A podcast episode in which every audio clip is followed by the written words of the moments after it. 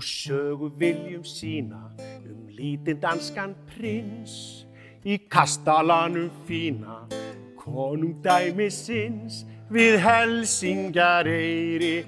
Kastali hann stóð pappans er dáinn og mammas kyn óð. Jambi, jambi, jambi, jambi, jambi Pentametis, bragform og stakund og limrur og ýmislegt fleira. Má finna í flestum verkum. Er Shakespeare, þar sé að William Shakespeare ekki einhvern fjarskildan ættingja hans. Komið þið sæl? Kæru áhörendur, við erum velkomin í þetta streymi hér frá Borgarleikusinu í þátt sem að ég kýs að kalla fordómar úr fílabensturni. Eh, hinga til minni komin Benedikt Ellingsson leikari, Namaste. nærmast Djæbakvan, nú Djæbakvan, meðum við ekki gera nei, neitt svona. Út sprittar það ekki? Jú. Jú, við meðum gera svona. eitthvað. Leikari, leikstjóri, kvikmynda gerðamaður, kvikmynda framlegandi. Já. Af hverju ekki Benedikt Ellingsson bakari? Afiðin var bakari. Þetta er svona spurningin frá Jónas. Já, spurt, Af hverju ekki baka? Þetta er tekið beitt það að við, hann var við pappa henni sinni vitan og byrjaði nákvæmlega. Já, af hverju ekki bakari? En ég vil taka það fram við byrjum að tala. Þetta lag sem ég spilaði hérna er eftir Benedikt. Já. Þetta var samið fyrir leikrið sem við stóðum báður að, hérna fyrir 20 ára síðan. Lægið er eftir mig, en textin er eftir Bergþór Ingolson. Nú er það? Já, eða, við, já. Hann hjálpaði mér með textan á þe- þessum árum, þá var ég svolítið feiminn við texta. Þetta var í leiklisskóla og við vorum að setja upp verk sem hétt Litli Hamlet. Já, já, já, alveg rétt. Já, þetta var það. Og svo nýttum við þetta, var það ekki í, í Shakespeare eins og leggur sér? Jú, nýttum þetta þar. Þetta var tekið þar og komið þetta ekki ég svolítið óvart að ég skilji að Jú, byrja þessu. ég fannst að ég held þú allar að spila lagi hérna Kikka Kúkakokkur sem ég samti líka í, ég, í og, já, ég man, ég kann það ekki. Nei. En þú, eh, afið var bakari, að, og þú sagði mér eitthvað frá því, þess að ég byrjaði að spyrja. Þess að, hann, þú sagði mér eitthvað, hann er lendi í svona eitthvað framsóknar pólitík sem að gerðum erfitt fyrir í rekstri, eða ekki? Jú, þetta var mjög, mjög skemmtilegt hvernig við grúpum okkur og tilhörum ykkur um hópum og flokkum hvort annað og jáfnveil afi minn sem var frá Eirabakka sem er nú bara hálftíma keirsla þegar hann kemur hérna 1916 til Reykjavíkur og vill verða bakari og, svo vill hann stopna bakari þá mætir hann ákveðnum vegga því hann er ekki partur af klíkunni. Já. hann er ekki reykvíkingur. Og þetta var svona anstæða skilu, hann var ekki að réttum ættbálk og ekki að réttum hópi, hann var Já. sko eirbekkingur og þá reyndi hann ímislegt sko, hann með sér í sjálfstæðisfélagi vörð. Og það virkaði ekkert fyrir hann en það var ekki fyrir hann að fór í fimmleika og lúðrasveitina sem hann eignaðist vini og kunningja og, og í IR fór hann í fimmleika. Og þá allt í opnuðu styrnar og þá var hann allt í hennu tekin í hópin þetta var svona hvernig dæmisaga hvernig við sem Já, svona grúpa erum alltaf að búa til ykkur að hópa einmitt, ég trúi bara. Þetta var bara svona út og dúr, Já, já, þetta til dæmis tengist í akkur þú ert uppáhaldsleikari minn. Af hverju er það? Já, vegna þess að ég, ég hef nánast alltaf kastað þér í allt sem ég gert, allt hér og reynt að fá því í allt. Já, já, já. Og hérna, stundum hefur ekki tekist, ég var að reynda að fara, ég held að það bara verið Jésu litli, ófara veröld Já.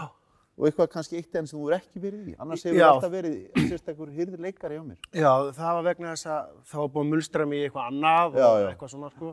Það var ekki það að ég hef ekki viljað, það, sko. Nei, þú, að því þú lítur út eins og sést frá Eirabakka, sko. Já, Það er þess vegna, sko. þú sagðir eitthvað um mig, þú ert uppáhaldsleikar minn því þú ert svo óleikar. Já, það er alveg rétt. Já, það er. Þú hefur á orku, sko, hvernig er leikarlegu leikar? Sko, það verður náttúrulega til í öllum svona hópum, eins og í leikúsinu, ákveðin svona ímynd um hvað er, hver fær að fara upp á svið. Já. Og að fara á svið, standa á sviði og segja fólki sögur ákveðin statustaka. Mhm. Og þú veist, ég er nógu stór, ég er nógu merkilegur, ég er að réttum, þú veist, Já, já. flokki, ég er réttum mentunum til þess að segja ykkur sögur. Og áhörundu þurfa svona á splittsekundu að gefa þessum, þessari ma- manneskju status, stöðu eða samþykjana. Já. Þess vegna sem ungi leikarar við títirandi að fá samþykki, skilur Já, já. standa sig vel og eldrilingar að hafa það gefið. Allir bara, ah, hann er komin í á, þú veist, sumir sögum en að hafa þetta gefið. Og það verður til, og sérstaklega í leiklistarskólum, þá verður til svona stundum í svona menningarsögunni, í svona hópum svona ákveðum svona ímyndum hvaða típur eiga að vera á sviði. Já. Þú veist, það er eiga að vera veginn, einhverjum normum. Og tala Og við sjáum ekki Hollywood, við sjáum í, þú veist, hvernig það verður til einhver svona típa. og svo er uppreist gert, ger, ger, gert, gerð við það sko, reglulega. Og ég man þegar þú varst að koma fram og þannig, þú varst, þú varst ný típa, það var ekki búið að hleypa svona strákum eins og þér upp á pall. Sko. Nei, þetta við áttum... En nú ert þú búin að rifja brautina sko. Já, sko hérna, sko, þegar ég var að fjórðbekk leiklistaskólanum, Já, þá var ég að djöflast niður í Lindabæ og maður Já. undirbúka leikrit og þá kemur Kjartan Bjargmundsson, hann inn, já, sem er nú svona leikari og leik mikið hérna daga.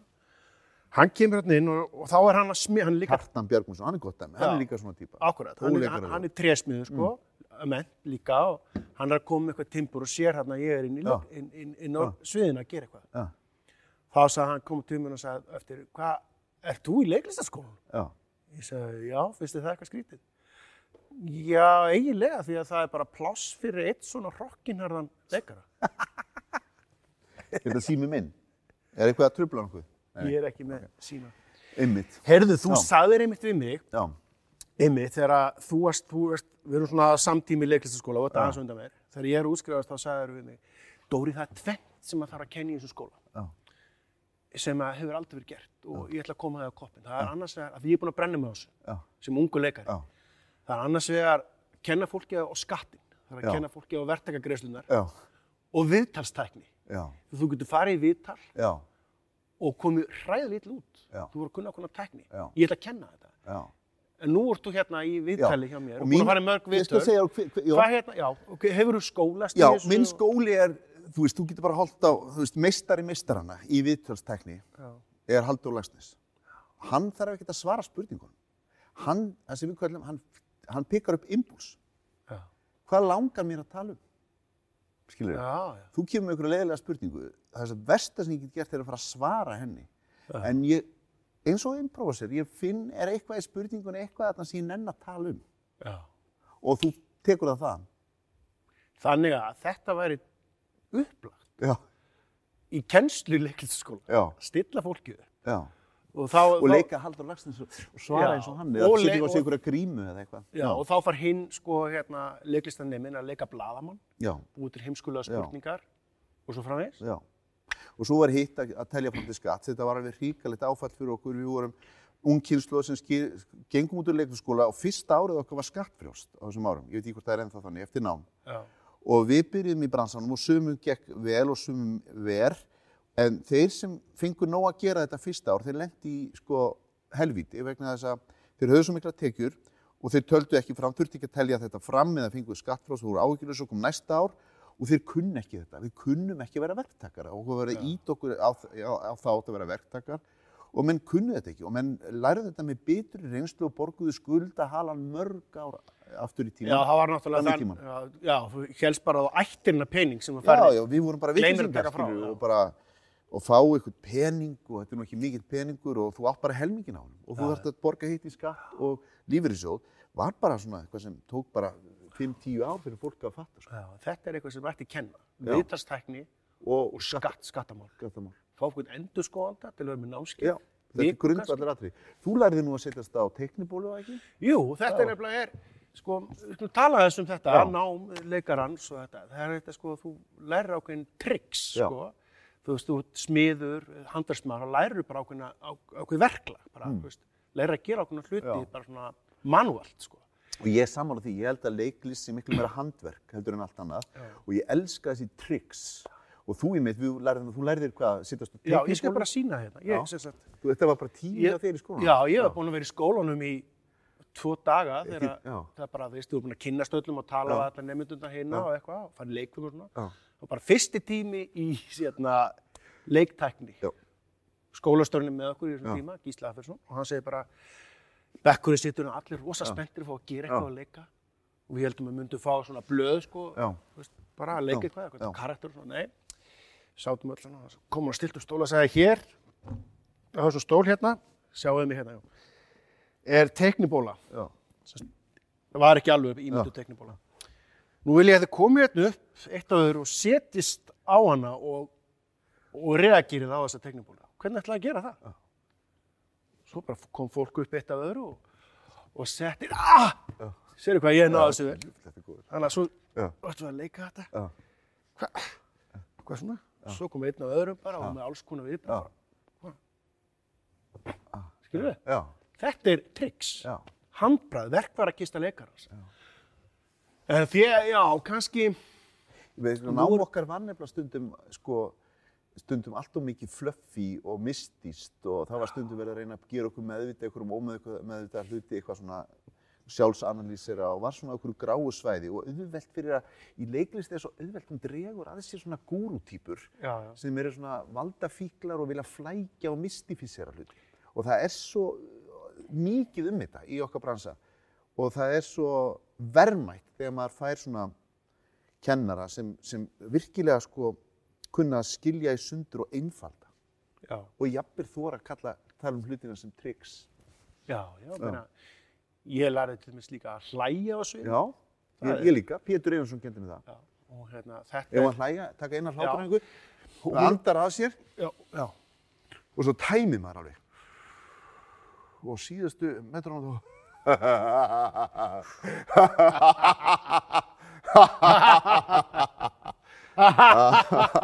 já, það þannig að komið svo stað. Já, og þá er maður í frætaráttinum og þá, þá kemur svona eitthvað eðlilegt kannski framhald af því. Ég lærði þetta og það var einn bekkjafélagi minn sem var tekinn á teppið Já. eftir þetta námskeið og Já. það bara sagt hann, heyrðu, þú ert að standa ágætlega en að mörgu leiti en þú hlærði ekki nógu vel. Já. Hláturinn er ekki nógu góður, þú ert að vinna í hon. Já, þetta er alveg leið. En svo er líka þetta sko, já, sko, nú til dæmis veit ég að í leiklistaskólum Erlendis, til dæmis í Þískalandi, er mikið Já. nota þetta sko aksjón. Að aksjónið fæðir af sér tilfinning og gjörð. Já. uh, versus þetta skandinaviska sem er, þú veist, að að skandinavisku síkológíu, þú veist, að hugsa, svíðan segja alltaf var för Mm. áður að byrja að æfa. Hva- Hvað finnst þér Já, um já, þetta? já, þetta er, þetta eru sko tveir skólar og annar er miskilningur. Og þetta er samt rennur, eh, bá- báðir skólarnir koma frá Stanislavski. Þetta er þessi Lee Strasberg sem er fáviti Já. og var í New York og, og dreifði einhverjum falsfréttum og fávita hugmyndum um leiklist. Við skulum vona að sé að horfa á þetta. sem byggðist á svona tilfinningalegu minni. Já. En hann hafði verið einhverja viku eða tíu daga hjá Stanislavski sem var þá í einhverju svona þróunavinu. En sko í grunninn er þetta aksjónteórían eða handlingar. Það er að segja að þú leikari brýtur niður verkefni sitt í gerðir sem eru skýrar og einfaldar og hann getur gert í sannleika. Já. Þú veist, þannig að þú veist, leikari hann á að fara inn á sviðið og, og hérna og sjá konu og fara á hnén og segja ég elska þig. Þannig að hann hérna, hún trúur honum og allir heyri í honum. Þannig að þetta er ómögulegt verkefni að- í rauninni, þetta er sko rauðatorki. Leikari á rauðatorkin á sviði og hann á að játa konu ást sína. Eh, Þannig að bæði allir trúa því sem hann segir og heyri. Þannig að hann þarf að öskra þetta. Já. Þú veist, hvernig er hægt að gera þetta trúverðið hann átt? Já. Þetta er verkefni sem Stanislavski leggur upp, í, upp með og hann leggur til þess að hugmyndum brjóta hlutina niður lítil verkefni. Þú veist, fyrsta verkefni kemur inn, sér hana. Það er bara, það er fyrsta verkefni. Þannig að ég kem inn, ég sé, ég tek inn hvað er, þannig er hún. Fyrsta verkefni að sjá hana. Þú veist, næsta verkefni, ég vil nálgast hana. Af hverju vil ég nálgast hana? Vor fór? Ég vil ná betra samband við henni, ég sá dýprin í augu hennar. Ok, ég veit, í fyrsta verkefni ég kem inn, ég sé hana, næsta verkefni, ég vil horfa inn í augun á henni. Þess vegna kem ég nær. Þetta eru mjög konkréti verkefni. Sko, og, og þessi tvö verkefni, þú þarft ekki að vera, þú veist, samfaraninn eða leika eitthvað fyrir eitthvað eða eitthvað eða hafa að þeirri trúa þér. Þú bara gerir þetta, ei heiðarleika. Já. Ég bara kem inn, hvar er hún? Þannig er hún, ég sé þig. Ég þarf að sjá betur inn í augun á þér, ég finna þér. Skilur þau? Þetta er svona. Svo kemur næsta verkefni, þú veist, ég, ég reyna að sjá í henni fegur þína. Er eitthvað í þessu andliti sem ég elska? Og get ég ekki sagt það, ég elska þig. Eða get ég séð andliti ykkur annara konur sem ég elska og sagt það, það er kannski tilfinningarlega minnið, en það er að brjóta niður í gerðir. Þetta er, þetta er þú veist, og einfaldast gerðir er statusleikitin sem við höfum verið að æfa með, taka háan eða lágan status. Það er svo mikið af svona kjaftaði og gúrúum sem hafa verið að flækja þetta, en Stanislavski er gæinn sem einfaldaði og bjóð til svona triksaboks. En það er eins og margir sem að hafa blásið þetta út Já, á, á hinvegin, sko. Bara lásið þetta út og... Á hinvegin, sko. En svo þegar Hamlet segir, heila brotin gera oss öll að gungu. Þú getur hugsað því í hel. Já, Skilur mig? Þetta er stundum svolítið þannig. En Já, þú getur náttúrulega að fara eitthvað milliveg, skilur mig. Nei, ég meina, sko, málið er það að svo ertu með talentir leikara eins og þig sem hafa instinkt, skilur, þeir þurfa ekkert á þessu að halda. Svo eru sumir sem eru minna talentir eða hafa ekki aðganga sínum talent og þess vegna þurfa að nota verkvarabóksin. Mhm. Skilur, þú veist, þurf, sumir þarf ekkert að segja, heyr, brjóta niður hvað er situasjónin og brjóta niður. Aðri hafa bara eitthvað svona instinkt, sko, ég ekki bara að leika þetta. Skilur, já, já. á hvað snýst um þetta, snýst um þetta, snýst um þetta og svona, og þeir gera það. Já. Þannig að verkvarabóksið er auðvitað til þess að nálga sín eigin hæfileika. Einmitt. Við gætum talað lengi um þetta og mikið um þetta og það eru fullt af alls konar tryggsum og svo, Ég man þú sagði eins og við mig. Ég Já. hafði einhvern monolog sem átti eruleikum með, já, ykkur leikriti sem við leikaði Já. þér. Þá sagður við Dóri, tilengaði þeir aðruleysi sögumannsins. já, Mér fannst þetta svolítið gott. já, Þannig að góðu sögumæður sem þú hittir, Já. er með eitthvað sögu alveg á hreinu. já, Hann veit alveg hvernig hún byrjar, hverjir hápuntarnir eru, hvað er merkilegt þessu sögu og hvernig hún endar. Og hann kemur að segja þér hana algjörlega æðrulegs gagvart verkefni. Já. Að hann kann þetta svo vel og er, er svona í. já, Þannig að þetta er kannski eitthvað, við höfum stundum notað þetta þegar þeir eru með eitthvað stóra búta sem þeir að leika, að gera þetta að eitthvað svona æðruleysi. Já. Það þegar þú kannt þetta það vel, veist um hvað þetta er, að þá skilur þessi einhvern veginn svona, Þetta er alveg, þetta er grundvallar orð æðruleysi. Þetta er að manni finnst það sko svo mikið tengjast leik, leikúsinu. Mhm. Að þú getur hérna, að því æðruleysi er að vera óttaslegin, að viðurkenna að þú ert óttaslegin, en bregðast ekki við. Ég veit ekki. Já, já, já, já, já. Veist, Raunin er það svona einhver svona sannleikur.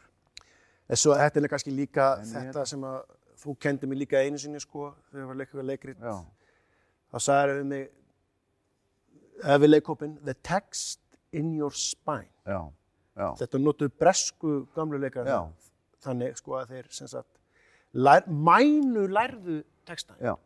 Þannig að hann verður hlut, hann verður sko, Hluti bara hann tilfinningu verður við hluti af tilfinninga við. Já. Þess að þú kannt eitthvað rosalega vel, þá getur gert það eins og þið sýnist. Sko, við, dæmis, þetta er náttúrulega, sko, leikarinn er alltaf að mjólka og stækka og dramatísera, það er partur af vinnunni, skilur, að mjólka, stækka og dramatísera. En stundum þegar maður þjappar hlutunum saman, gerir það á æðruleysi, lætur það fljóta, það, fara hraðar með þá, hættir að pæla í hvað öðrum finnst, skilur, eða hvort allt komið til skila, þá verður til eitthvað, þannig að stundum þá upplifum maður og sér hlutin. Ég mann þegar við vorum að gera Shakespeare eins og hann leggur sig Já. á 96 mínútum og hvað við leikum suma hlutina ógeðslega hratt og hvað þeir urðu fallegir og skýrir. Ég man að þeir leikuð sko alla Rómi og Júli á okkur um 5 mínútum og þú veist, og það varð samt fallegt, það varð samt þannig að við uppgötuðum söguna. Það varð samt þannig að við bara, wow, við föttuðum dramað og, og táruðumst. Og mér finnst þetta oft vera svona hættan í leikúsinu, því að það er vinna okkar að er að taka allt í sundur og brjóta allt saman og dramatísera alltaf hlutina og þú veist, þannig byrjum við að mjólka og byrjum að sína okkur og leikarinn fyrir að taka um mikið pláss Já. og hann fyrir einhvern veginn að verða einhvern veginn aðalatriðið. En þegar maður pakkar því aftur saman og segir, skil, bara flýt, láttu bara textan fljóta, skilur stroppa þessu, höldum áfram. Þetta er ekki aðalatrið. Þú og þínar tilfinningar er ekki aðalatrið. Aðalatrið, markmiði leiksins er annað. Að flytja sögun áfram. Og menn fara að gera hlutina hraðar, veginn, hætta að pæli. Þá oft verður til skálskapur. Þá byrtist skálskapur. Heyrðu, nú, er, nú erum við bara hérna í Já. flæði hérna. Þú nefnir hérna þetta leikrít. Já. Þegar við tókum hérna Rómu og Júlíu hérna á sín tíma í Shakespeare og leikur Já. sem fyrir 20 ára. Já.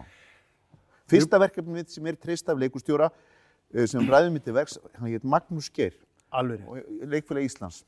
Þá hafði ég áður gengið hér til leikustjóra hér og leikustjóra, hún sagði við mig að ég var ekki, hún var í, ég var með hérna utanlöngandi kynfæri. Þess vegna fekk ég ekki vinnu, því það var ákveðin stefna þá að, að bara ráða leikstjóra með innleikjandi kynfæri. Já, já. Nema að þú væri með rústnest utanlöngandi kynfæri. Já, já. En ég var svo óöflin. En það var mjög heiðalegt, mér varst það mjög gott hjá hann. Ég gekk burt mjög glaður vegna þess að það snýrist ekki um mig eða mína hæfileika heldur bara kynfæri mín. Þannig að mér Já, fannst það já. mjög þægilegt. Það er ágætt að hafa það bara Já, hreinu. það var mjög rinn. En að þú varst að nefna þetta leikir, þá langar mér til að brjóta þessu upp og spila bara eitt lag. Já. Hefur ekki að spila Og hérna? Shakespeare eins og leikur Og sér. Shakespeare og leikur Já. sér, lægiðu bara um Rómu og, og Júlíu. Ég, ég bara var að rifja þetta upp núna í morgun, ég hef ekki spilað þetta í 20 ár. Já, Ég ætla að vona að ég fari rétt með þetta. Þetta spilum við í miðju, miðri síningunni, sko. já, Og líka ætla að spila þetta vegna þess að hér á svið borgarleikusins erum við þar að leika æfisöðu Bubba Mortens. Já, Hann samti fraktlag sem heitir Rómu og Júlía. já, Og nú ætla ég bara, þetta er ekki fyrsta skipti sem að lag um Rómu og Júlía er spila á íslensku leiksviði. Það var gert árið 2000 já, já, í.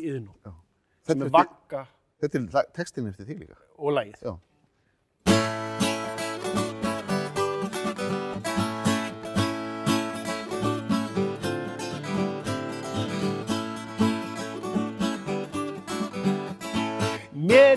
Minni stundin þá Júlía dó. Ástarið var bundin honum Rómeó. Því þarf þetta enda svona, jú alveg rétt. Rómeó greifa Montag, hún Capulet Júlía er litla Capulet þó, hættu að daga við Rómeó. Fóreldrum hans er um og ó og fóstra þínu við fengið nóg. Rómeó litli Montag svei, hættu að púka upp á þessa mei Hún segir já og hún meinar nei. Ó vei, ó vei, ó vei, ó vei Ég deyn Þau tökur bæðin eitur á ást þeirra var lagt bann. Eldurinn var svo heitur sem milli þeirra brann. Því þarf þetta enda svona, jú alveg rétt. Róm og greifa Montag, hún Capulet En sárum tvega sveipulum við þó sagan af Júlíu og Rómeó. En sárum trega sveipulum við þó sagan af Júlíu og Rómeó.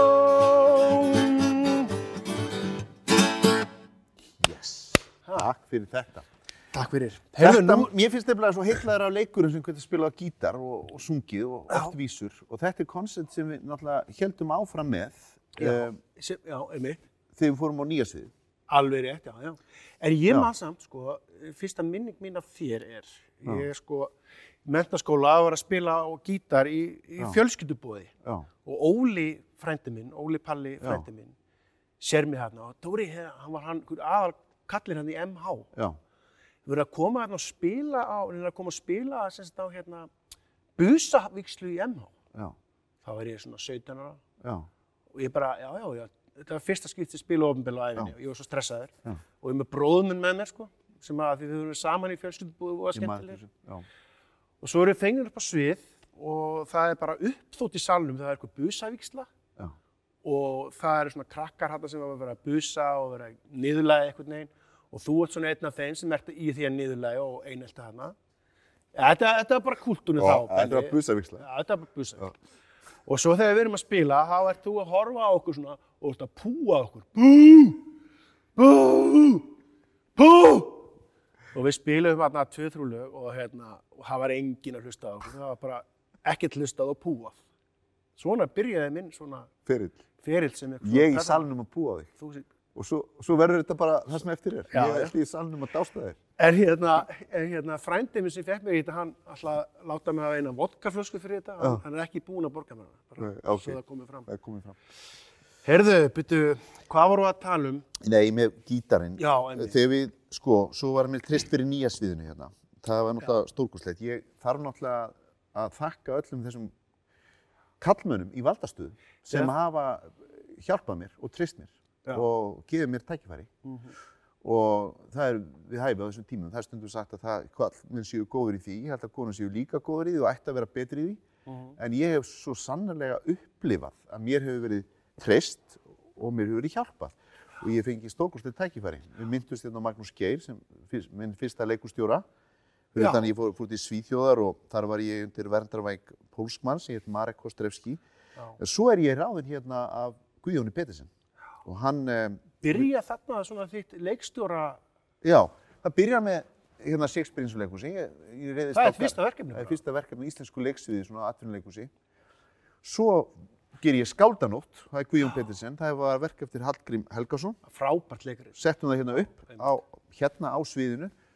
Og, og, Gí og hann hérna, hann veðjaði á mig. Og svo hjælt það áfram og hann gaf mér hérna nýja svið í eitt ár. Og ég var með leikóp sem við Og það er eiginlega ótrúlega, það er ensemble leikus, alvöru ensemble leikus sem við gerum. Þetta er vist kallað ensemble leikus en það er það ekki raunverulega. Ensemble leikus er þegar sami leikúpurinn vinnur saman með sama leikstjórunum, Já. trekk í trekk í trekk í trekk. Mismöndi verk. Já, og það gerist að það verður til tungumálinu hópsins og alla bóðliði verið stittri og það verður tröst og árangurinn er eftir því. Og ég held að við höfum náð miklum árangur. Við settum upp hann að, Þetta var tvö ár. já, nei, var þetta ekki eitt ára, þetta gekk inn og annað leikár. Já, sko, þú varst með okkur hérna í Svo var bara, einhverju þremur að fjórun leikurnum, svo komu að, aðrir leikstöra líka, en Já. sami hópur. já, við gerðum hérna fyrst blifið hún fött, fyrst fæðismæður, Lína Knútsen, svo gerðum við vetraræfindi eftir, Shakespeare, eða sumaræfindýri eins og við kallum það. Já. Og svo gerðum við Björkungús. En hérna, og þar var koncept að allir ætti að læra á gítar. Var við kunnum sum á gítar, sum ekki neitt, ég var nú með þeim sem kunni eiginlega ekki neitt. En mér fannst að við allir, öll, ég var, þetta var- þetta í vetraræfindi, við ættum öll að Já, spila einmitt. gítar og læra og búa til lög. Allir áttu að koma með á æfingarförlunu lag Já. og eitthvað segi, en ég kann ekkert, komdu samt með lag. Já, og það eru stórkostlega Já, lag til. frábær lög sem að koma hérna. Þú kendir öllum á gítar held ég og, Já, já, en svo, þú þarf bara að kunna svo lítið til Já, þess að já. geta búið til lag. Bara, og ég samti þarna mín fyrstu lög og, og, já, hérna, já, og, og þetta var svona koncept já. hjá okkur. En já, þetta var í hérna semst sumarævendýri, þá komum við alltaf með uh, hvert Já. og eitt, eitt okkur með lag. Já. eiginlega. En þegar við vorum í And Björk of Course, Já, þá áttum við að gera annað sem er meira challenging fyrir mig allavega, af Já. því ég fæst svo við það að Já. búa til lög. já, En það var allir eftir að gera myndlista performance Já. einhvern tíma. Gjörning. Og, gjörning. Og það fannst mér svolítið erfið. já. En það var heldur gaman. Hvernig, hvað, hérna, getur sagt, Það var Ragnar Kjartarsson sem var um hérna aðeins. atvinnulaus myndlistamæður sem ég tók upp á arma mína. þú hérna. bjóst hann til. Já, ég bjóð hann til. Bjóð strákinn til og, hérna, og hann fekk að gera leikmyndan. Nei, hann var eiginlega meira svona ráðgefandi. Já. Nei, ég, ég man ekki, það var Stígur Steinforsson var leikmyndateiknari Já. og hann var alveg stórkostlegur að vinna með honum. Gerðum leikmynd fyrir 0 krónur, það var konseptið. Það var frábær leikmynd í þessu. Svo fengum við Ragnar til að hjálpa okkur og vera með okkur. Hann var eiginlega bara koncepthöfundur með okkur og kendi okkur allt um myndlist og myndlistagjörninga. Og að því að við höfum byggðum inn og við vildum ná orku. Í Björkós vorum við að leita að non-acting orku Já. eða þessu óleikarlega. Akkurat. Uh, að því að Þorvaldur, Þorvaldur Þorstinsson var, var myndlistamæður og við höfum búið til leikjarð upp úr þessu mikla tekstasafni hans af mjög skrítnum og undir, undir beltistað performansum og svo vildum við brjóta þau upp og búið til myndlistagjörninga svona. þetta var allt svolítið um undirlífið eða undirmeðutund þjóðarinnar eða fólks og mjög kynferðislegt og var svona sjálfstherapía og voru með rosa svona gjörninga þarna sem voru mjög blóðugir sumir og Raggi hélt bara námskeið og við meðal annars þá einmitt vorum við að gera gjörninga. Ég, mér minnist að þetta er margir ótrúleir gjörningar sem koma þarna fram Já. sem að þetta er opnað svolítið öfumast fyrir. Já, og það er líka orka, það var alveg orka sko í myndlistamenn alltaf, við vorum svo pist út í, við heldum hérna málþing um myndlistamenn, mynd, með myndlistamennum um leikús og myndlist og þetta var alveg hræðilegt, það endaði með uppþóttum og látum Já, og, og skætingi af því að það kom í ljós svo miklu fordómar, það var að myndlistamenn hafa fordóma gátt leikúsi og leikúsmenn hafa mikla fordóma gátt myndlistamennum. Þetta er það sem ég er svolítið Og- og, var við, ég já. var stjætt og er með listamanna. Þetta opna og vísina fólk. Já. Það Er, þetta er oft fordóma fylgst af fólk sem ég hitti, það er listamenn. Við viltum bara skjóta þessu inn í, en Já. halda áfram. Einminnit og myndlistamennum finnst leikhúsið tilgerðalegt og vera yðnaðar stopnun, skilur og, og fabrika og hérna og leikarar tilgerðilegir og sjálfsmeðvitaðir og og leiklistam fólki finnst eh, myndlistamenn vera letingjar nenni ekki æfa sig. Og, og þú veist, og bara hippigipar sem, sem gera bara einhvern ramma og, og, og einhvern blett í miðan rammana mm. svona í stórum dráttum eru þetta fordómanir og, hérna, og þetta kom alveg í ljós þarna á þessum- já, þetta var, en hérna þetta eru þetta En það er að láta þetta mæta, skilur, sko, þetta var svolítið gaman að leggja þessu leikriti, að það mátti ekki leika of mikið. Já. Ekki teikna textan upp. Já, bara já, svona, þetta er náttúrulega, þú veist, við vorum náttúrulega í rými sem var kassi og námt. Þetta er auðvitað endalus glíma. Ég var að sjá sjónvars upptökur af, af sviðsverkum eftir mig núna, Íslandsklukkunni og sem er sko stóra sinnsverk. Það sem við erum að vinna með í breyttista gestalt Já, sem já. er náttúrulega bara, þú veist, þú teiknar upp karakterinn, essensfígurina í líkamæðinum og þegar þú tekur svo nærmynd og klipp, klipp, klipp, þá verður þetta mjög svona stórt leikið. En, en þetta er format sem er hugsað og býr til samkúmulag um svona leikstíl. Og Það er ekki hægt að ofleika. Það er raunin ekki hægt að ofleika, það er hægt að leika illa. Þetta er spurning um hvaða orkustig þú leika. Alg, algjörlega, en þetta kemur náttúrulega alltaf, allt svona, kemur náttúrulega illa út í kameru. Já. Það er, það já, er vandamálið, Leikarinn er að vinna í viðmynd. Já, akkúrat, sko.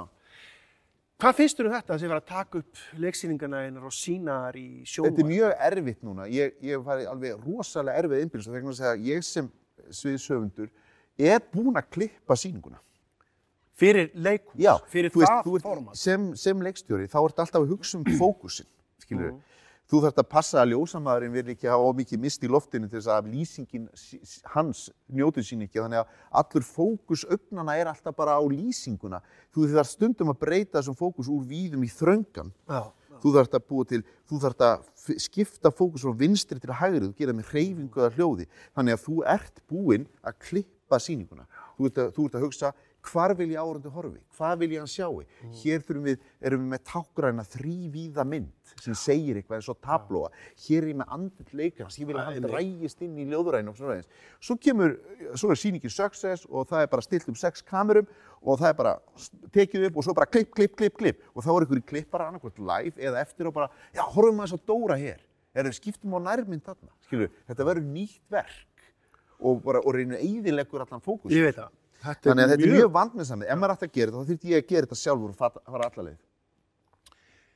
Já. Halleluja. En við vorum að tala um myndlistina Já, myndlistina og finnst og, þetta... og, og gjörningana. Já, og mér finnst þetta ótrúlega auðlind og þetta var ótrúlega lærdómsríkt og, og ég ber djúpa virðingu fyrir myndlistamönnum og, og, og skil hvað þeir leggja mikið á sig og þetta er mikil tilengun í þessu en það eru þarna sérkynlega fordómar mínu fordómar snýrist í gegnum performansin af því ég upplýði sko myndlistamenn stundum ekki að æfa sig, ekki undirbúa sig af því þeir voru alltaf svona að fiska eftir einhverju svona happeningi, skilur við fannst það bara, já við gerum þetta svona og svona og svo gerður þetta. Og svo þau gerðu þetta þá kom eitthvað allt annað út. Og það var ekki það sem þeir ætluðu að gera en þeim fannst það bara skemmtilegt að þetta var bara happening, skilur við Já, já, og þetta pyrraði mjög óstjórnlega, skilur við Af því að þetta var ekki pródúsera. Já, það menn sá þetta ekki fyrir mig, unnið þetta ekki út allar leið, sem er auðvitað ákveðið konsept og þetta er auðvitað, það eru hugtök eins og nonnart og artart og, og alls konar hluti sem Ég, alveg, inn í þetta. vor- ég var eins og leika hérna í leikriti, Já. þar sem að Eyvindur Erlendsson var að leikstýri mér. Já, Og þá voru, við leita hann mig og Átna Pétur Guðjónsson, æfa okkur í non-presence, já, sem við áttum að labba hérna á svið með, og hérna, og við erum með engan, enga útgíslu, sko. Það er rosalega það skrítið. er svo magna þegar ég sitt hann í salmið sem leikstjóri og þið eru hérna að vinna ha? og svo kemur sviðsmaður sem kemur hljóðmaður og lappar yfir svið. Það er stórkostlegt. Það er vegna þess að hann fucking stelur allir aðtekli Með non-presence. með non-press. Já. og þið verður bara einhvern veginn það, það er annað orkusvið en hérna, sko það er líka annað því við erum að tala um leiklist það er, ég vil að tala um Gíó af því að. Gíó kendi mér svo marga hluti. Það voru tveir stór prinsip sem Gíó kendi mér. Um, í rauninni hann ól mig hér upp sem leikstjóra. Hann gaf mér þetta ótrúlega tækifæri Já, þú nýja að, þú óðst hér í verkefni. Já, eða alveg, hann pressaði mig stundum að gera verkefni sem ég vildi ekki gera, eins og drömleik. Já. Hann bara píndi mig til að gera drömleik með Gretari, sem var minn stóri háskóli. og í Gretar Einarsson er náttúrulega bara stærsti snillingur íslenskra leiklist, leiklistarsögu að margan átt og hann er óþrjóðnandi lind og, og, og hérna, og vinna með honum var ótrúlega lærdómsík. En Gíó sagði hluti við mig sem til dæmis, ég hef notað í kvikmyndigjara endalaust. Það er til dæmis, það var alltaf sama prinsipi. Ég var búinn að æfa sýninguna, æfa atriðin, tegja atriðin, dramatísera, da, da, da. Svo sett ég saman sýninguna, fyrsta reynsli. Og Gíó kemur og horfir á þetta og ég er svona, já, þetta, þetta já, er eitthvað sem vantar en þetta er eitthvað. Og hann sagði alltaf, dýnamík, dýnamík. Vantar dýnamík Dýnavík. dýnam og ég var alltaf bara, hvað er þessi fucking dýnamík sem við alltaf að tala um? Hvað er dýnamík? Já. Og ég fór að skoða, hvað meinar hann með dýnamík? Og það sem í essens hann var að tala um, að í rauninni er þetta kallað eitt form af dýnamík eða er tempóbreytingar. Leikari er sá sem ræður við tempobreyting. Nákvæmlega. Prínsip. Það er að segja, og það er þó bara eitt form af dýnamík. Það er að segja, við í grunninn höfum okkar dramatúrkju þar sem við þurfum breytingar á orku og dýnamík í frásögninni til þess að halda aðtiklu okkar vakandi. Og þegar við erum búin að greina allt í sundur og æfa allt í spað, þá erum við stundum alltaf komin á sama level, sama tempo, það er sama dýnamík í gegnum allt kvöldið. Og þetta sér því myndum til þess artás kvikmyndalegstjóra. Þetta eru oft ungilegstjórar, þetta er fyrsta önnur mynd og þetta er allt á sama tempón, sömu löngu skotin, sama tilfinn, sama intensitet, allt eins. Og þetta var rosalega góðar myndir, rosalega krefjandi. Já. Það það verður svo krefjandi, það verður svo leiðilegar. Af því það vantar dýnamík í framsögnuna og dýnamík Dýnamík er svona annað orð kannski bara við Já, leiðileg. yfir leiðileg. En þú veist, dýnamík getur verið, sko, fyrir mér ekki bara tempo, hægt, hrægt, þetta getur létt, þungt, ógnandi, skilur kærulaust, það er orkan í sí, síningunni. Þannig að hver kapli hefur ákveðna orku og hún er öðruvísi en orkan eða intensitetin í hinnum. Og þessi breytingar á orkustegum er, er dramatík sem, sem kveikir í okkur. Og við sem svona apar út í sal, við, við, sem sagt, við, þetta líka virkar á okkur sem dramatík, sem breyting. Og þetta var alltaf, sko, því að við erum alltaf, því við erum að slítið sundur, þá getur þetta orðið svo gagsætt og, og gesið og í sama tempói. Þannig þetta er einu bara tempóbreytingar. Já, Bara- já, tempó eða orkubreitingar. Já. Og þetta, var, þetta hjálpaði hann mér rosalega að, að, hugsa um, þannig ég byrjaði að hugsa þetta svona og þetta hefur verið mitt prinsip líka í kvikmyndagerð að átta mig á þessu. Svo er hitt sem Gíó sagði alltaf, hann er alltaf, Benni, hérna, þú verður að hafa súkulað í vasan. Já. Já. Hvað þýðir það? Þú verður að hafa súkulað í vasan. Sem leikstjóri verður maður að hafa súkulað í vasan. og það þýðir rauninni bara, þú verður að vinna heimavinnuna. Þú verður að, sko, og það er, er í rauninni burt sér frá því hversu opinn þú ætlar að vera sem leikstjóri og vinna mikið í hóp og láta hlutina fæðast, því það er hlutverk okkar og, og mismunandi eftir verkefnum, er að búa til skapandi andrústóta sem allir eiga eitthvað, það sem allir geta lagt sitt til, það sem við vitum ekkert hvaðan hugmyndinar koma og skiptir ekki mál hvort það er vond hugmynd að góð hugmynd, því vondar hugmyndir fæða góðar hugmyndir. Þannig að þetta generositet og þannig að þú gætir haldið það að þú sem leikstjóri eigi þá bara ekki vera með eitt súkulega í vassanum, skilur þú eigi bara að vera opinn, hei krakkar, gerum þetta saman, en ég ætla samt að fá að ráða ef við verum ósamála. Nei, þú þarft að við vita, þú þarft að hafa einhverja hugmynd sem þú, jafnvel þú hendur henni, af því það fæðist önnur, þá þarft að vera búin að vinna vinnuna þína. Og þú þarft að vera með súkulega í vasanum til þess að gefa leikunum, örfa þá, hugmynd, koncept, stefnu, einhverja visjón, eitthvað ljós, eitthvað sem þú sér Já. Sem, sem, og það kveikir í leikofnum og það getur fætt að sér eitthvað annað þannig að við getum kannski búið til súkulega kökur En með svo fer það bara að lifa sinni Já, sjálfstæða eða lífi, sko. rjómaköku með súkulega lægi eða eitthvað skilju Já, já. þannig að það verður talandi um bakaran Já, einmitt. Já, Heyrðu, ég er með, ég var með, ég var hérna, ég er með súkula hérna í vasanum, sko. Já, já. punkta Hérna. já, alveg rétt. Við vorum að tala um Björkóf góð sáðan, Já. bara gaman að við skulum vera Já. að tala um það, því að þetta verður leiklesið hér stórkoslegt á fimmtudaginn. Og þetta þótti svolítið svona tímamóta verk, eða þú veist, já tímamóta, þetta vakti ofsalega aðtegli þessi sýningu sinni tíma. Hann Chris var hérna Otridge, heitir hann ekki? Jú, Ast- Astrids. Astridge, hann var e, sviðsstjóri hjá okkur Já. Þetta var fyrsta árið hans og hann tók við nýja sviðinu Já. og, og ótrúlega, við vorum með hennar stóra og fallega leikhóp og hann var svo kurteis og hann var svo professional, hann var svo breskur og ég samti maður lag fyrsta lagið sem ég samti Heyrðu, á ég kannski að spila það? hvernig væri það? Það hljóma frábælega, Benni, spila það endilega. Ég ætla að spila lagið að því við erum í leikhúsinu um hann Chris Þú getur kannski rattað það með mér Já, já, þetta, uh, byrju, átti ég, á ég ekki bara að Já, spila þú vilt bara spila það, já Ég skal Jú, bara spila. Jú, þú sk- Þá, spilar það vegna þess að þá getur þú haldið á já, bræðinu. sko. já, já, já, ég man þetta nú kannski Ok S, J, G, A Já. og E, þarna og svo A og E hann. hann gengur svo hljótt um hið nýja svið. Það heyrist eil hátt er hann talar. Innan um leikara sem bara tala um sig og áröndum vísar til salar. Eins og Kristur sem forðum á vatninu gekk hann gengur til vinnu sinnar. hann þurkar hér bæði gólfstól og bekk því hann er sannur þjótt listarinnar Það síðega síðasta klappið er dáið út og leikarinn heima hjá sér grætur. Hann slekkur ljósið og gengur út á vitinnar hildjúpu nætur. Eins og Kristur sem forðum á vatninu gekk, hann gengur til vinnu sinnar. Hann þrýfur hér bæði gólstól og bekk, því hann er sannur þjótt listarinnar.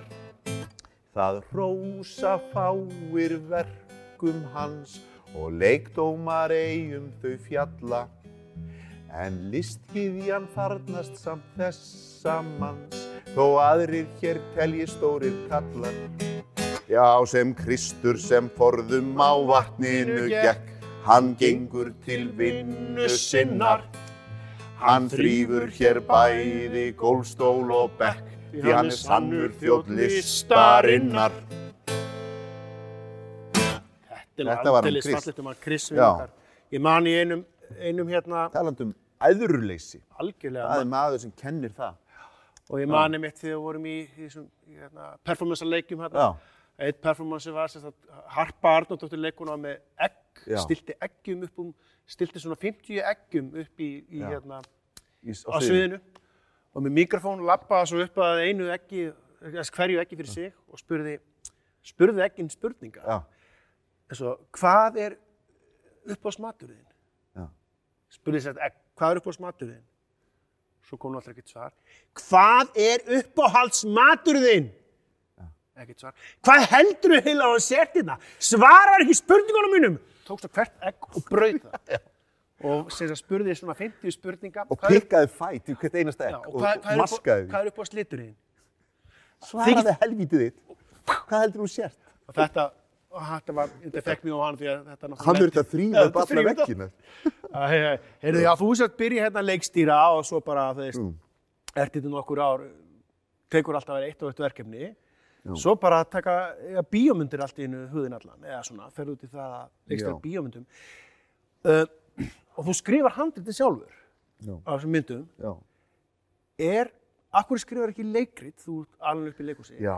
Er erfiðar að skrifa leikrit heldur en kveimyndahandrit? Sko, já, ég, ég er svona, þetta er nefnilega mjög merkilegt. Ég upplifi mig frjálsan til að skrifa kvikmyndandrit. Já. Uh, þar finnst mér enginn horfa yfir öxlinn á mér um, og þar get ég leikið mér sem svona handritsöfundur. En gagvart leikúsinu og bókmyndatextum þá her ég með einhverja innri rattir undir meðutundarinnar, einhverja verði sem uh, hleypa mér ekki, gera mig ekki frjálsan. Það, það eru einhverjar innri hömlur sem stoppa mig. Um, að því ég tek það eitthvað hátíðlega. Að því ég lesi svo marga fína texta, séu til. Já, ég skil. Uh, sko, kvikmyndahandrit er ekkert bókmynd, sko. Þess vegna get ég leikið mig þar.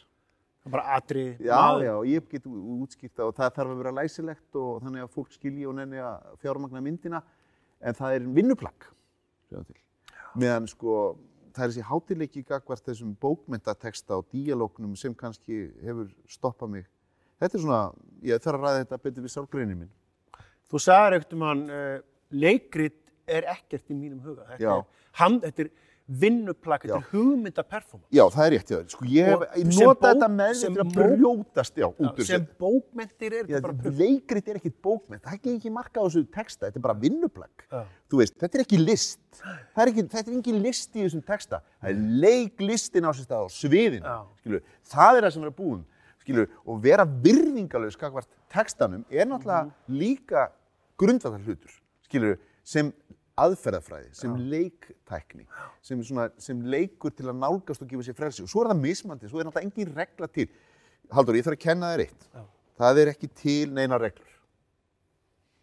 Þessi, þannig að prinsipið að vera virðingalög skakvað textanum er frábært prinsip, en það er engin sannleikur því að það geta verið textar og leikrit sem þú vilt bera mikla virðingu fyrir. Sko. Það er tvær aðferðir til að nálgast le, le, texta. Það er annars vegar, heyrðu, þessi texti er bara materiál fyrir mig, fyrir leikúsið mitt. Þetta er bara lítið hráöfni, ásand leikum og mínum hugmyndum sem gera mína sýningu, skilur við, ha ha, bara, þetta getur gert fyrir klassík, skilur Nú er verið að tala um, sko, Og- og, leikúsfræðingar hafa bent á þetta sem vandamál. sem þú ert að Já, búa já, til. þetta er ein aðferðafræði og það er þetta er orðið leikstjóra leikus. það eru gamli kallar hérna með mjög sérkynlega fagfræðilega þetta er fórkursögu bara- sem líkt á þetta sem glæp. Eh, og svo er það hín aðferðin og það er að líta á textan sem, ok, hver er kvöl höfundarinn sér? Mhm. Ég þarf að finna hana og ég þarf að leiða hann í gegnum vekkinni og, og, og ég þarf eins og að vera kristall, við þurfum að finna kvöl höfundar og, og, og leiða hann og við þurfum að byrja um virðingu fyrir höfundinum. Við byrjum virðingu, hvað vildi hann raunverulega? Hvað er höfundurinn að meina? Hjálpum höfundinum, skilur Aha. Og, og, og það getur verið gaman að, það, það er mjög mikilvægt að taka svona verk. Mér finnst ég oft hafa þessa afstöðu gömlum íslenskum verkum sem ég set upp eða öðrum verkum. Þú veist, þú tekur einhvern heilagan texta eins og Íslandsklukkuna eða eitthvað, eða Guðmund Steinsson. Fyrir mér er þetta heilagur texti. Ég ber virðingu fyrir honum, ég vil, ég vil, ég vil, ég vil hjálpa höfundinum, skilur við. Ég, ætla, ég nota hann ekki sem eitthvað materiál sem ég ætla að skena mér á eða segja, ég ætla að búa til mína köku úr. Þannig þe- þetta eru svona tvær, tvær afstöður. E, já, og svo er, já, það hefur svolítið verið um það. Ég- er se- leiðilegur núna? Nei, þetta er bara, þetta er mjög aðtilsverð, Já. mjög gaman að heyra þetta. Og hef- mjög- að meðal annars þess, þessina sem við erum hér að ræða þetta. já. Sko, nú er verið að tala oft um að afbyggja verk. Af, hvað finnst þér með þessa afbyggingu sem er oft, Já. verk tekið og það er afbyggt. Já, já, þetta er ákveðina, þetta er þessi afbríðafræði, þess að taka verk og nota það sem materiál, mm og sem bara, það er bara hráefni sem, og ég ætla að gera leikhúsið og ég er höfundurinn, eða höfundurinn eða, eða hópurinn, við erum höfundurinn. Og þetta er bara, sko, önnu leið til að baka þessa köku, skilur við. Þetta er bara eins og að taka uppskrift til að fylgja uppskriftinu, ég ætla að styrkja, ég ætla að bæta ég ætla að hjálpa uppskriftinu eins og höfundur uppskriftarinnar hugsa hana, sem er náttúrulega bara, þú veist, þú verður enga fucking hugmynd um það, þú getur bara ímyndað þeirra, það er ákveðin afstæða, Aha, eða bara, byrju, hvernig er þessi, já, þetta er svona, já, ég ætla bara að gera svona, skilur við, og þú tekur uppskriftina með svona attitúti. Og þetta er líka, þetta er löglegt, þetta er gaman. Svo geta menn náttúrulega farið inn í svona, alltaf verið að gera sömu afbygginguna, ég meina, þú getur sé- séð það líka á mörgum leikusmönnum og frægum og stórum sem, sem eru í rauninni oftast að gera sömu sýninguna. Það skiptir ekki máli hvort þeir setja upp Strindberg eða, eða Shakespeare eða hvað þeir eru. Þeir eru alltaf að afbyggja þetta og búa til svona svipaða köku sem við könnust við. Strindberg, sem sagt drömleikur, þetta er eina Strindberg sýningi sem hefur verið sett upp hér á Íslensku leiksviði í 30-40 ár. Já. Akkur er það? Draumurinn. Er, er hann erfiður? Er hann svona erfiður? Já, ég, er þetta ekki nú góð já, leikrit eða? hann neini, hann er náttúrulega barsins tíma og svona, en sko drömleikur er náttúrulega, ég get alveg sagt að ég las drömleik fyrst, ég bara, guð minn góður, hvers konar steipa er þetta? Og, og Gíó, hann alveg píndi mig til að gera þetta. Já. Og það var alveg ótrúlega, ég er mikið þakkláttur og ég var mjög stoltur af þessari sýningu. Ég held að hún sé eitt, af því fallegasta sem ég, mér hefur tekist að gera á stórasviðinu Sýning ársins 2005. kúlana skrétars og allt hvernig við listum, aftur breyttíski stalt, stór leikur, Já, já. vorum að vinna með ungum leikhóp, hérna, nefnda leikúsi, sem við blönduðum saman og vorum alveg, sko, ég að við vorum alveg siðlaus skakvast því að þau bara, þau, við vorum ekkert að passa upp að þau fengju jafn og góð hlutverk. Þetta var bara borgarleikúsi í samvinnu þau, bara settum um Strindberg og við nýttum þau eins og við gátum og þau voru frábæra og margir fengu mjög fín hlutverk, sem fengu minni hlutverk og svo vorum við reyndarleikar hérna og blönduðum sem saman. Þetta var ekki þannig beinlýs nefndaleikús, þetta var svona leikfélagsýning. En ég var mjög ánægð með þessa sýningu, það var svo margt visuelt og þessi kúla. Vá, þetta var rosa flott með. Já. Heyrðu, hérna, já, það, Eigum að, eigum að ljúka þessu með- ekki- Nei, nei, nei, ekki ljúka þessu, en ég var að hugsa, ég vil endilega halda á hún, ég var langað að skri- skrifa lagið um Gíó. já, um Gíó. Já, ég samtið Já, sko, ég nefnilega einmitt, því að nú voru þér leikústjóra skiptum daginn, Já. það búið að, svona, að, veist, þetta var, fór að staði ákveðin atbyrður á sír þessu húsi og Já. annar leikústjóri komur og ég mani með þetta, þú skri, samtinni svona lag um leikústjóra Já, og það samtur um Gíó í sinni tíma, Já. samt, í mínum huga er þetta svolítið um generalt um bara leikústjóra. ég var að reyna að rifja þetta upp, ég man ekki alveg hvernig, það er eitthvað sem ég hef gleymt í þessu lagi, en það er, inspirasjón er Gíó, og Gíó var náttúrulega, eins og ég náttúrulega kynntist þessu rosalegri glímu leikústjóra, að, leikústjórar voru náttúrulega vest, vest umtalaða fólk í, á mínu heimili, Já. það var alltaf mikið leikústjórarnir, þeir voru alltaf við teknir og, og hakkaðir. Ég sagði með Gíó eitthvað með að hann var að lappa um gangana og gekk svo mikið á og þetta var Já. svo erfitt og ég sagði, hvað, er þetta eitthvað vandamál Gíó? Þú bara segir bara hvaða leikrit á að setja þau, hver á að vinna við það, svo ert þú bara fann í kaffi. Já. Hann bara, já, ég held það, ég var byrjað, ég held það, það er bara ekki Þetta þannig er fyrir mig. endalist pólitík, leikustjórin það, pólitík og sérstaklega var hérna fyrir leikfélagi, það var alltaf á, á kúpunni Já. og, og svo eru brjálaði leikarar og leikusmenn og besservissirar og hérna Leikustjórin stendur við glöggan sinn innan megin Var brotur í þessu. Já. Horfir á þúsundir bíla keirum eigin Fólkið á leið heim í sín hús. Hvers vegna kaupir það ekki miða í leikhús? Hvers vegna Kaupir það ekki miða í leikhús? Það var eilíf klíma hérna, fór fólk í leikhúsin Já. Leikustjórinn talar við reyðan leikara. Hann vill ekki láta koma fram við sig eins og okkur helvitis feikara. Hann vill stærri hlutverk og hann vill fá að glansa með glans. Uh, Skína með glans. Því fólkið þarna úti það bara þekkir ekki neitt til hans. Fólkið hérna úti, það þekkir ekki neitt til hans. Leikustjórin talar við reyndan leikúsmann. Hann vill vel láta setja leik upp leikritið um konu og mann. Það er góð um. Það er komin tími á þetta alveg uh, frábæra verk. En fólkið þarna úti það hefur engan áhuga hvað get ég gert. Fólkið hérna hefur ekki út á hvað get ég gert. Og svo fram í. Svo var síðast eirinn, ég man ekki hvernig það var. Leikstjórinn sest upp í fína bílinn sinn. Uh, já, já, hann fer út í bónus og kaupir í matinn og rauðvín og sjálfan bjórinn eitthvað. uh, hann stoppar á rauðu ljósi og leiðinni heim. Því sjálfur er jú leikustjórinn einn af þeim. Sjálfur er ju leikustjórin einn af þeim. Og svo framvegis. Þetta er frábært Þetta lag. var eitthvað fyrir leikustjóra. Heyrðu það fann að síga setni þetta á sig okkur. Einn spurning bara hérna að lokuð. Já, Þú sagðir einu sem við mig já, fyrir 20 árum. Leikhús er degjandi form. já. Já. Eh, Ertu ennþá að setja skoðun? Já, þetta er grundvallar hugmynd sem leikúsfólk þarf alltaf að rifja upp, sérstaklega á fyrsta samlistri. Leikúsið er degjandi form, leikúsið er dáið. Ef maður byrjar þannig að segja, leikúsið er dögt form, þá er verkefni hverja sýningar að kveikja líf Já. aftur í þessu formi, endur nýja formið, finna upp, að, finna upp nýtt leikús en næri þessu liði þarna sem bara, þú veist, þetta er grundvallar hugmynd í leikúsinu að segja leikúsið er degjandi form, það er dögt form, leikúsið er dögt. Leikhús er degjandi. En ég, þetta lífgaða við. Erum látum þetta vera loka orðin hérna. Benni, frábært, takk kella. Ég myndi, Takk fyrir. Ég myndi Ég- knúsa þig og allt, eh, mættu það. Já, Ég og til hamingi með nýja leikustjóran, hann er Brynhildis. Já, takk. Sömuleiðis bara. Sem er leikari eins og við. Já, bara, ég, bara, ég má skálu, mig og skála hérna. Já, skálum. Takk og bara sjáumst. Sjáumst.